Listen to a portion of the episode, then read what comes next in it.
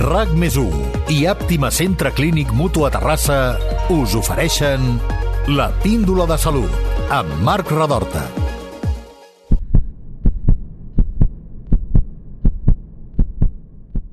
No et trobes bé. No estàs greu, però hi ha alguna cosa que no acaba de rotllar i no saps ben bé què és. No saps a quin especialista acudir i vas directament al metge de capçalera, al metge de família. I aquesta visita potser no et cura, però segur que et tranquil·litza. El metge o la metgessa de família és aquella persona que et coneix i que t'escolta, que sap dels teus antecedents familiars, que sap interpretar una analítica i explicar-te-la, que sap quina medicació prens, que a la seva experiència professional hi afegeix una capacitat de comunicació que et fa sentir en bones mans. Són els autèntics influencers, els que fem cas de manera incondicional. Avui fem una píndola de salut una mica diferent de les altres. No centrarem aquest podcast en una malaltia, sinó que posarem el focus sobre una relació molt especial que uneix metges i pacients i que es basa en una confiança absoluta. Ho fem amb el doctor Jordi Jiménez, que és metge de família i director d'Àptima Centre Clínic Sant Cugat. En Jordi compleix amb aquest perfil tan especial i essencial en la nostra vida i en el de les persones que més ens importen. I també incorporarem a la conversa a la Gemma, una de les seves noves pacients que en poques visites ha quedat convençuda que en Jordi era aquest perfil de professional de la salut que estava buscant per a ella i per la seva família. Parlem de salut i de prevenció amb gent que es fa escoltar. Here I am again back on the corner again, back where I belong, where I've always been. Doctor Jordi Jiménez, gràcies per acompanyar-nos. Gràcies a vosaltres per convidar-me i poder parlar de la meva especialitat, que és una de les meves passions. Ara, ara en parlem. He llegit en algun lloc que l'especialitat, de fet, del metge de família són les persones. És així? És així. És a dir, ja el títol de la nostra especialitat ja ho marca. Som especialistes en medicina familiar i comunitària. Què t'està dient? Som especialistes en persones, amb el seu entorn proper, que és la família, però amb el seu entorn gran, que és la comunitat. Per tant, evidentment, la nostra feina està centrada en les persones. Uh -huh. Què és el millor de ser metge de família?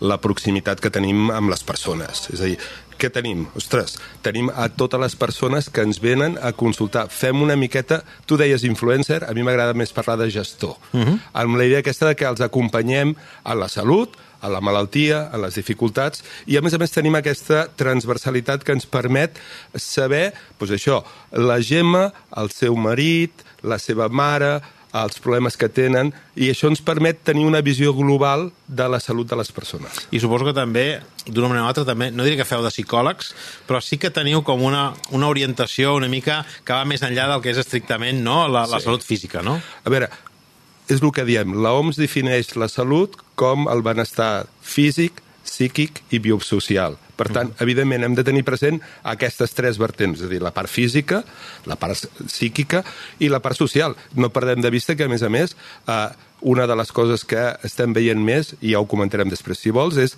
la gran quantitat de consultes per les malalties mentals, sobretot l'angoixa, la depressió, que tenim en aquest moment i que realment ens dona molts motius de consulta i que la gent ve a vegades sense saber per què, uh mhm. -huh. perquè es troba que, per exemple, té taquicàrdies. Hòstia, arribo a casa i se'm dispara el cor. I això dius, ostres, tindré un problema al cor. I a vegades no és un problema de cor, sinó que és un problema de com el cos explica que estàs angoixat. Uh -huh. uh, anem a parlar de com és aquesta relació amb els pacients i, si et sembla, ho farem amb una de, de les teves pacients. Eh, saludem a la Gemma. Hola, Gemma, benvinguda també tu a la Píndola Salut. Hola. Uh, quan fa que coneixes el, el doctor Jordi Jiménez?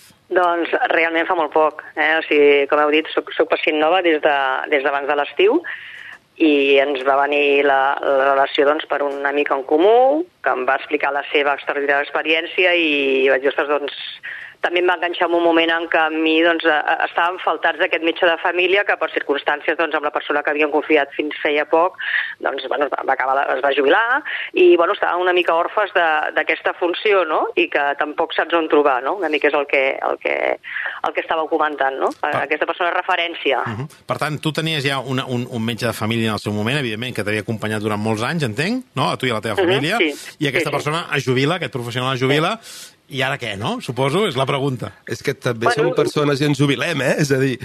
Sí, sí, està bé, està bé, està bé. Sí, a més a més, eh, és això, no? Doncs es jubila aquesta persona i dius, bueno, primer penses que no passa res, llavors dius, bueno, vas un dia amb un metge, no? I, i, i llavors et diu què et passa i dius, home, no em passa res, però m'agradaria fer una revisió. Ah, Bueno, doncs et fan una analítica i ja està.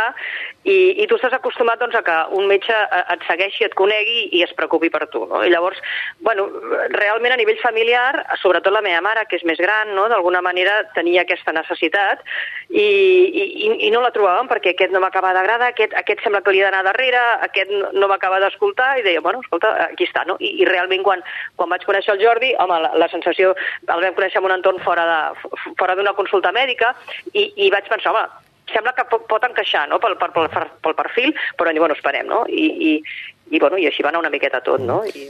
A, a quins altres membres de la teva família està tractant ara mateix? Sí, ara mateix a, bueno, a, a la meva mare, al meu home i a mi. Uh -huh.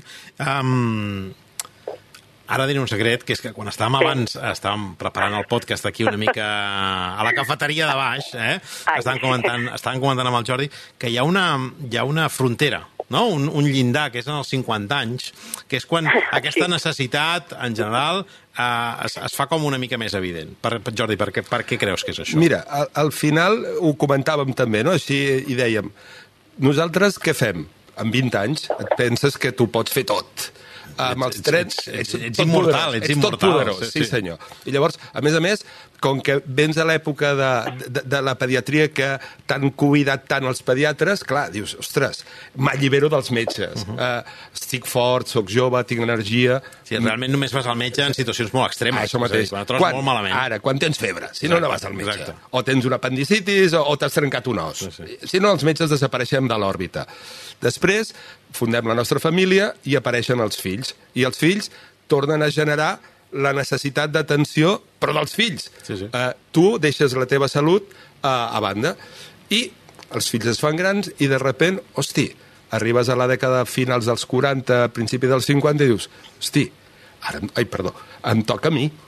I apareix aquesta necessitat de dir, vull tornar a cuidar perquè apareix la necessitat de dir vull envellir de forma saludable, vull estar bé físicament, vull estar bé psíquicament i, per tant, consultes i busques la forma de dir escolta'm, què he de fer per estar bé, per evitar malalties, perquè tots sabem que les malalties de risc cardiovascular a partir dels 50 augmenten, a partir dels 50 apareix tot el tema de la presbícia, les cataractes i aquestes coses, tot el tema del cribatge de càncer de colon, tot el tema dels de, homes la pròstata i les senyores el càncer de... No, no estàs fent una promo dels 50 molt bona, eh? No, per qui no. no els tingui encara, però és No. veritat, és veritat que Però- aquestes, aquest neguit no? i aquestes preocupacions, la, menor, tota la part de la, panoma, de la menopausa, tot això apareix, apareix en aquesta dècada. I, per tant, tots tenim la necessitat, d'alguna manera, de tenir la tranquil·litat perquè ens agrada tenir el checklist fet. És a dir, perquè al final vivim amb la societat del checklist. Escolta'm, això ja ho he fet, clic, fet, Sí, sí, sí. sí. fet, fet. Per tant, el fet de que algú t'acompanyi i digui tranquil, mira, doncs està tot bé,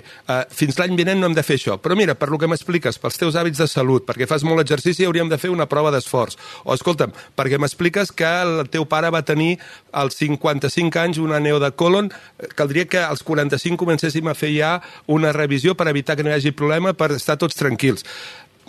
Al final el que portem és aquesta tranquil·litat de que la salut està conservada o si hi ha alguna alteració poder-la rectificar per poder seguir eh, creixent, no envellint, creixent uh -huh. amb salut. Uh -huh. uh, de fet, un dels, dels uh, i parlant, vinculant amb, amb el tema de l'edat, eh, però un dels superpoders que tenim els metges de capçalera és aquesta capacitat d'atendre i d'entendre tothom sense limitacions d'edat o del tipus de problema que plantegin. Quina, quina és la dificultat més gran amb la que us trobeu? Al final, la dificultat és ser capaços d'entendre el que li passa a la persona. És a dir, moltes vegades escolte, sentim, no escoltem. Uh -huh. Jo crec que el que hem de fer és una escolta activa. Què vol dir fer escolta activa? Ser capaços de, en tot moment, entendre què t'està explicant la gent, anar fent, a més a més, conforme et van explicant preguntes per acabar d'entendre, és a dir, el que diem eh, des del punt de vista mèdic, anamnesi, que és entendre quin és el problema que té la persona, Això es diu, com es diu? Anamnesi. Anamnesi. és a dir, és la- l'entrevista mèdica. Val. Preguntar. A partir d'això, i en funció del que et diu, fer una exploració física, és a dir, uh -huh. valorar el que et diu, amb això ser capaços de construir una orientació diagnòstica I a partir d'aquí demanar proves que a vegades va en contra del que vol el pacient, que vol proves. Fes-me moltes proves que això m'ajudarà a saber el que tinc. Dic, no.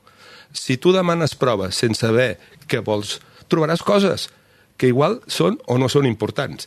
Per tant, és molt important fer aquest paper i, i, i això és la medicina clàssica.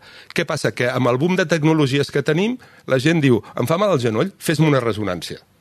Potser no cal potser cal que et canvis, i ara diré una tonteria, les sabates, perquè vas a córrer amb unes sabates fetes malbé i t'has de comprar unes sabates noves. Uh -huh. I si canvies de sabates deixarà de fer-te mal el genoll. Uh -huh. I, I això passa, no? És a dir, si tu agafes i no mires a la persona en la seva globalitat, pots cometre errors.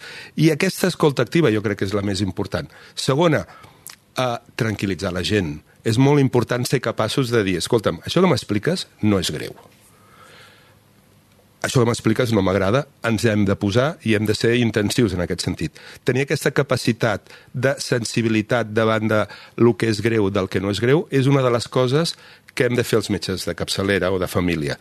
Els especialistes de l'hospital són molt específics. Saben molt de cor, saben molt del pit, saben molt del colon, però aquesta visió més global probablement només a l'hospital la tenen els metges internistes, uh -huh. que són els equivalents de metge de capçalera, però de l'hospital. Uh -huh. Però aquesta feina de destriar, de veure el que és important del que no és important, que és greu o no greu, és del metge de capçalera. Uh -huh. I, I, a més a més, ja teniu els recursos vosaltres per derivar a l'especialista que toqui, clar. que moltes vegades no saps ni, ni quina et toca, no? no? Clar, és a dir, per això, dius... per això. No, em fa mal la cama Aquí vaig. Espera't, ah, explica'm, què et passa?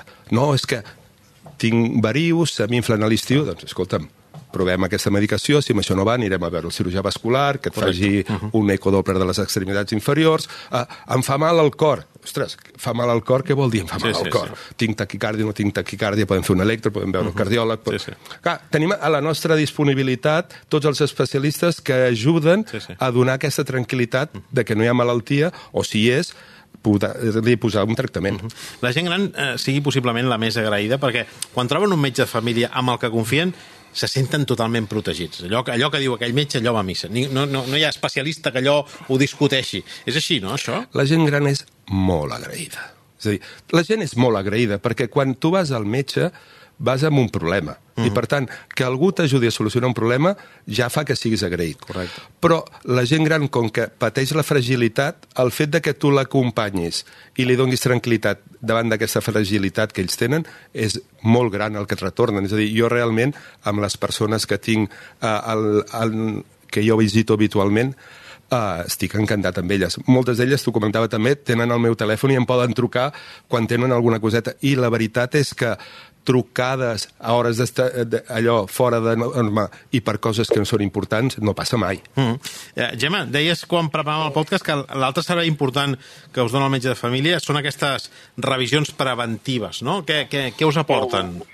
Bueno, doncs jo és que estava escoltant, eh, i la veritat és que exactament és, és com és, no? És, al final és, és que algú t'escolti, que això sembla que és algo molt senzill i no és tan fàcil, la societat a la que estem, que algú t'escolti i que algú mm, sàpiga el que tu necessites, no? És a dir, al final, eh, les meves necessitats són unes, que tinc ja els 50 anys, ja, ja ho heu dit, o sigui, no passa res, eh, ja no és cap secret, però, però la meva mare en té unes altres, no? I ara això que deies de la gent gran, però és que eh, ho estaves dient i, i no sé si del Jordi li vaig dir o no, però la meva mare, com va sortir de la, de la primera visita amb, amb ell, em va dir, oi, diu, ara ja estic tranquil·la, diu, perquè sé que hi ha algú que es preocupa per mi. I em vaig enfadar, dic, escolta, mare, dic, dic perdona, dic, i nosaltres? Tens una filla, bueno, tens una filla, com a mínim una clar, filla, no? Clar, però em, em, em va doldre, dic, l'acabes de conèixer i li estàs dient... I m'estàs dient això, no? No, no, bueno, però què, què va passar? Que ella eh, eh, la va escoltar i va explicar totes aquestes coses que ella està preocupada, que no, per sort no hi ha res greu, però, bueno, doncs, doncs va dir, escolta, aquí et faré un seguiment i jo em preocuparé per totes les coses que tu et preocupen, no? I això, bueno, de veritat, eh? eh, la meva mare va dormir més tranquil·la aquella nit. I és, i és així, eh? És a dir, eh, no, no és una exageració, ah. és així. No, i, I, inclús, home... inclús pels que són fills i filles, no? És a dir, ah, també tenim aquest recurs, clar. no? Doncs vés al metge capçalera que tu confies i que t'ho digui ell, clar. perquè tu veus que hi ha clar. alguna cosa allò que no acaba de funcionar, que no és del tot normal, a vegades són una mica, tenen una mica de recança, no?, anar al metge i, i tal, i dius, doncs, eh, que amb ell hi confies, doncs vés allà i que t'ho miri ell, no? Això que Total. expliques passa molt i moltes vegades Sí. reps la trucada i diu, escolta, mira't a la meva mare perquè crec que això li preocupa. No t'ho dirà, Exacte. però... Però- però Ves- ves escolta, cap aquí. Ves cap aquí perquè jo crec que això la preocupa. I llavors tu a la consulta t'ho fas venir bé eh, i li preguntes per això de forma indirecta i veus que t'ho expliquen tot. És això. És a dir, el, quan, quan tens aquell punt de confiança amb el pacient, el que veus és que desapareixen les barreres. Uh -huh. I se senten segurs i saben que el que explicaran no sortirà d'allà i poden explicar cosetes que realment a vegades doncs, són més de sentiment que no una altra cosa, perquè també patim. I eh, la part emocional la tenim tots i uh -huh. molta de les coses que li passa ara a la gent gran és la solitud.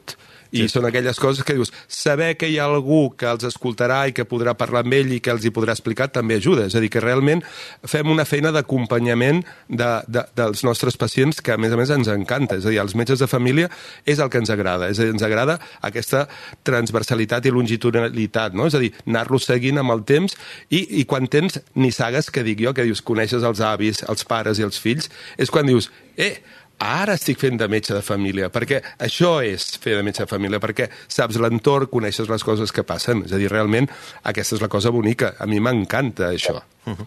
Parlem de, de les revisions, de, que la, el que la gent diu com chequeos, no? Sí. Que, eh, que això no ho hem aconseguit traduir mai, no? No, tothom sí, sí. tothom ve Chequeo. la paraula chequeo, Digue no? el chequeo. Vale, doncs anem... a- El anem... checklist, el check- el checklist, sí, no? sí, que sí, dèieu, sí, que m'ha sí, sí, agradat sí. molt. anem, anem, anem, anem al tema de les revisions. Um, fins a quin punt són importants, quan s'han de fer, per què s'han de fer i com s'han de fer?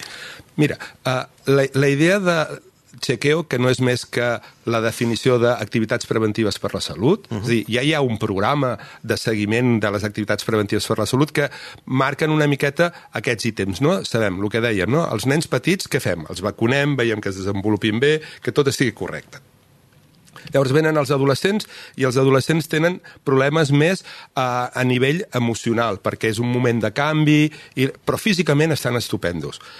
Després ve l'edat adulta jove, que realment no hi ha malalties, exceptuant doncs, això, coses agudes, accidents i aquestes cosetes. I a partir d'una certa edat, que és de les dècades del 40, comencem a aparèixer el que són eh, malalties més prevalents, com la diabetis, com el colesterol, com la hipertensió, eh, i, i totes aquestes malalties són importants perquè, a més a més, augmenten el risc d'altres malalties, com són les malalties cardiovasculars, i què fa tot això? Que al final la gent el que vol és tranquil·litat. Vivim amb l'era de que vull saber que estic bé. Mm. I, per tant, què fem nosaltres? Pues això, després d'explorar el pacient, decidim, mira, doncs per lo que m'expliques, pels teus hàbits, farem, descartarem que no hi hagi cap d'aquestes patologies i, doncs, això, el que dèiem abans, no? Tu fas molt esport, escolta'm, doncs has de fer esport de forma segura, per tant hem de saber que el teu cor estigui preparat per poder fer Per tant, entenc que, que les revisions no són, no són uh, simètriques, és a dir. No. no, no a tothom es fa la mateixa revisió. A veure, això seria fer xurros. Nosaltres No, fem... no sé, no sé, pregunto, pregunto. És a dir, nosaltres sí que és veritat que hi ha una sèrie de coses que tenen sentit que s'ha de fer. L'analítica del colesterol i del sucre S'ha de fer de- sempre. s'ha de fer sempre. Però tu igual em dius, escolta'm, que jo m'agrada córrer maratons. No és el cas. No és el cas. No és el no és el cas. Doncs, escolta'm, no et demanaria... No m'agrada córrer maratons. Doncs bueno, no- sé, no n'he corregut mai cap, però... No, doncs uh, et diria, doncs a tu no t'hem de fer una prova d'esforç perquè tu no fas maratons, però igual em dius, ostres, però sí que és veritat que quan vaig a fer una miqueta d'esport m'ofego, Vale. i llavors hauríem de veure una miqueta què t'ofec, a què es deu, si el teu cor funciona bé, si tens un problema de bronquis, i per tant, a partir d'aquí construiríem les exploracions que fan falta, i per tant, a partir d'una base, d'un d'un tronc comú, anem fent una miqueta en funció de cada persona i de les seves necessitats del que hi ha. Uh -huh. Gemma, vosaltres en el cas de les revisions que passeu tant tu com la teva família, entenc que, uh -huh. que, que us aporten el que busqueu, no? que és aquesta tranquil·litat i aquest saber, mira, Sí. ara fins d'aquí un any, no? com a mínim sembla que tot està en ordre. Ah. Sí, de fet és això, perquè el que dèiem, no? a partir dels 50, en el meu cas, doncs comences a tenir doncs, petits, eh, petites cosetes no? que, que, que, que grinyolen una miqueta i dius, a veure, anem a mirar-ho, no? perquè, perquè el que dius, no? amb 20 anys doncs, ni, ni penses i ara comences a preocupar-te, doncs, perquè el teu entorn també no? Eh, passen coses i dius i, i comences a notar. I la veritat és que a- amb aquest checklist o chequeo que fas, doncs, home, d'alguna manera et quedes més tranquil o, o, o et preocupes i t'ocupes del que t'has d'ocupar, no? que també pot passar. Ostres, doncs mira, anem cap aquí, doncs va, posem focus en, en algun tema que pugui preocupar.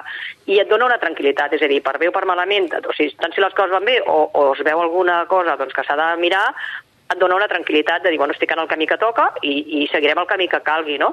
I si les coses, eh, si els resultats surten bé, dius, escolta, un any més, doncs un any més, vinga, seguim, no? Uh -huh. Però tenim molt clar que ha de ser aquest any, no? Aquest any i l'any que ve tornem-hi, si no passa res, Sí, perquè sí. al final, bueno, la salut jo crec que cada vegada és més important per tots, no? Conforme et fas gran segurament ets més conscient, però segurament també a nivell de societat penso eh, que poder ens preocupem més ara que fa uns anys, eh? Això també crec que és una, una tendència, Eh, no? La idea que tenim és que volem envellir de forma més saludable, perquè, Mm. a més a més, com que l'esperança de vida s'ha allargat, clar, eh, jo penso, és a dir, quan jo era petit pensava, un senyor, l'any 2000 jo seré un senyor de 34 anys, i deia, un senyor.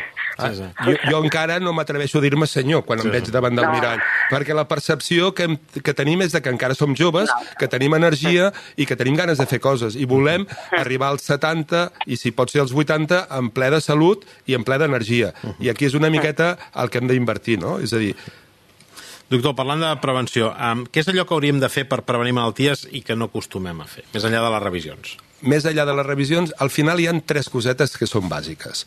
Bona alimentació, és a dir, i aquí tenim la gran sort que vivim en l'àrea mediterrània que tenim verdures, que tenim carn, que tenim peix, per tant, hauríem de ser capaços de menjar millor. Uh -huh. uh, què fem? Fem una dieta molt rica en hidrats de carboni, mengem més del que necessitem, i clar, això ja és una de les causes de- d'augmentar el risc de patir altres malalties. Segon, hauríem de ser capaços de fer exercici de forma habitual. Una de les coses que recomano a la meva a la gent gran que jo visito és que han de fer exercici físic molt senzillet, caminar cada dia 40 minutets i tres dies a la setmana fer una miqueta d'exercicis de força. Uh, fent broma dic, escolteu, i si això us fa pal, aneu a ballar. Sí. Sí. Perquè ballant treballes la força, l'exercici físic i l'equilibri, que preveu, preveu que no hi hagin caigudes, que preveu que tinguis un bon to muscular. Uh, per tant, augmentes la coordinació. Tot això fa que evitin caigudes. Una cosa ben tonta, no? Dos. Tres. L'altra cosa que sempre recomano, i això ho sap tothom, que no es fumi. Eh, és que, de fet, de fet aquí, aquí anava. Um, clar, del que es veu a la consulta d'Àptima, um, quins són els hàbits més preocupants? O perquè són més nocius, o perquè van a més, o perquè has detectat una tendència que no agrada? Què, què és A allò veure, que... a- a- L'hàbit pitjor per mi, i, i aquí sóc una mica beligerant, jo no fumo, i per tant el tabac. Si jo pogués dir, em diuen, si tu poguessis fer alguna cosa per millorar la salut de la població, què faries? Que no es pogués fumar. Mm -hmm. Per què? Perquè el tabac sabem que és dolent. Està, no aporta res de valor i sí que aporta malalties. Segona cosa que diria, escolta'm, que ja ho deia abans, la falta d'activitat física, portem una vida molt sedentària. La vida sedentària és dolenta, sabem que augmenta la patologia cardiovascular, augmenta la diabetis, augmenta la hipertensió, per tant, sabem que això no és bo. I per l'altra cosa que no hem comentat i que és molt important, la higiene de son, dormim malament. Som incapaços de dormir moltes vegades sense una Mira, pastilla. mira portem, portem 40, amb aquest em sembla que farem 43 podcasts, però 43 píndoles de salut, i la primera de totes vam estar parlant de per què no dormim bé, que és la que va tenir més èxit històric, i al final eh, vam tenir la doctora i, i ens, o sigui, al final fèiem tantes coses tan malament, o sigui, que explicaven per què no, dormien, per què no dormien bé i per què era tan important dormir bé que eh, bueno, la recomano a tothom que escolti aquesta i qualsevol I altra, eh? però és el gran oblidat, no? És a dir, la son, quan, quan es parla de prevenció, quan es parla de... Tothom eh, incideix molt en això, no? En l'aspecte físic, de l'activitat, de l'exercici, de l'alimentació, dels tòxics, eliminar-los... Ostres, però el dormir és fonamental, i tant. eh? Què aporta el dormir? Una cosa molt senzilla, recuperar energies. És a dir, nosaltres necessitem descansar i el nostre cervell necessita descansar. I aquí és on està el descans saludable, perquè amb la pastilla dorms, però el cervell necessita també desconnectar dels problemes del dia a dia, de les preocupacions que tenim, i per això us recomano que sentiu el podcast sobre la, la son, perquè està molt ben explicat el que s'ha de fer. Uh -huh. Perfecte. Um, quines serien les... Um, fent una mica tot això, quines són les malalties més freqüents que podríem evitar? Crec, crec que ja, ja ha anat sortint, Ha anat no? sortint, dir, eh? La La, hipertensió, diabetis, la diabetis. hipertensió, el colesterol, la I hipercolesterolèmia... els càncers. Els càncers. Però els càncers també hi ha una base genètica Sí, que aquí sí que difícilment podem podem, incidir. podem incidir, però sí que és veritat que l'enfront- com enfrontem el càncer ara, com ho fèiem abans, ja ho explicava el doctor Perecai, és molt diferent també. sí, és a sí, dir, sí. realment, i la possibilitat terapèutica que tenim ara són molt diferents de les que teníem.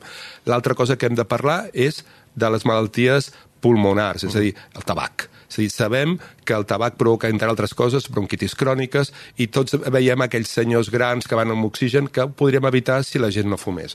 Són les 4 o 5 malalties que són més prevalents i que tenim aquí.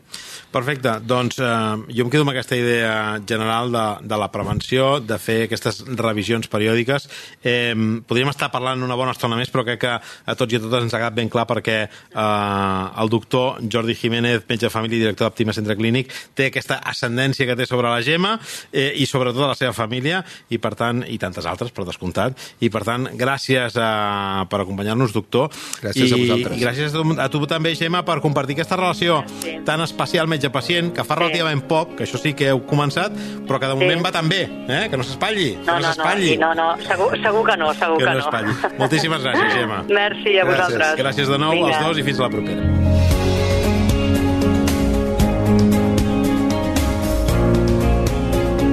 La píndola en un minut. Els metges i les metgesses de família són una peça clau, fonamental en la nostra vida. La seva funció és escoltar-nos, acompanyar-nos i cuidar-nos, especialment a partir dels 50 anys, quan comencen a aparèixer més riscos a nivell de salut. El coneixement no només del pacient, sinó també del seu entorn familiar i social permet a aquests professionals tenir una aproximació molt diferent a les seves necessitats específiques. Una de les principals funcions dels metges de capçalera és fer prevenció. Això vol dir promoure els hàbits saludables i les revisions periòdiques. Aquestes revisions s'han de fer personalitzades, en funció del perfil de cada pacient. L'activitat física, l'alimentació i l'abandonament del tabac i altres substàncies tòxiques són els consells més recurrents que donen els metges a les seves consultes. La recomanació no és casual. Les dades demostren que amb aquests hàbits es poden prevenir moltes malalties.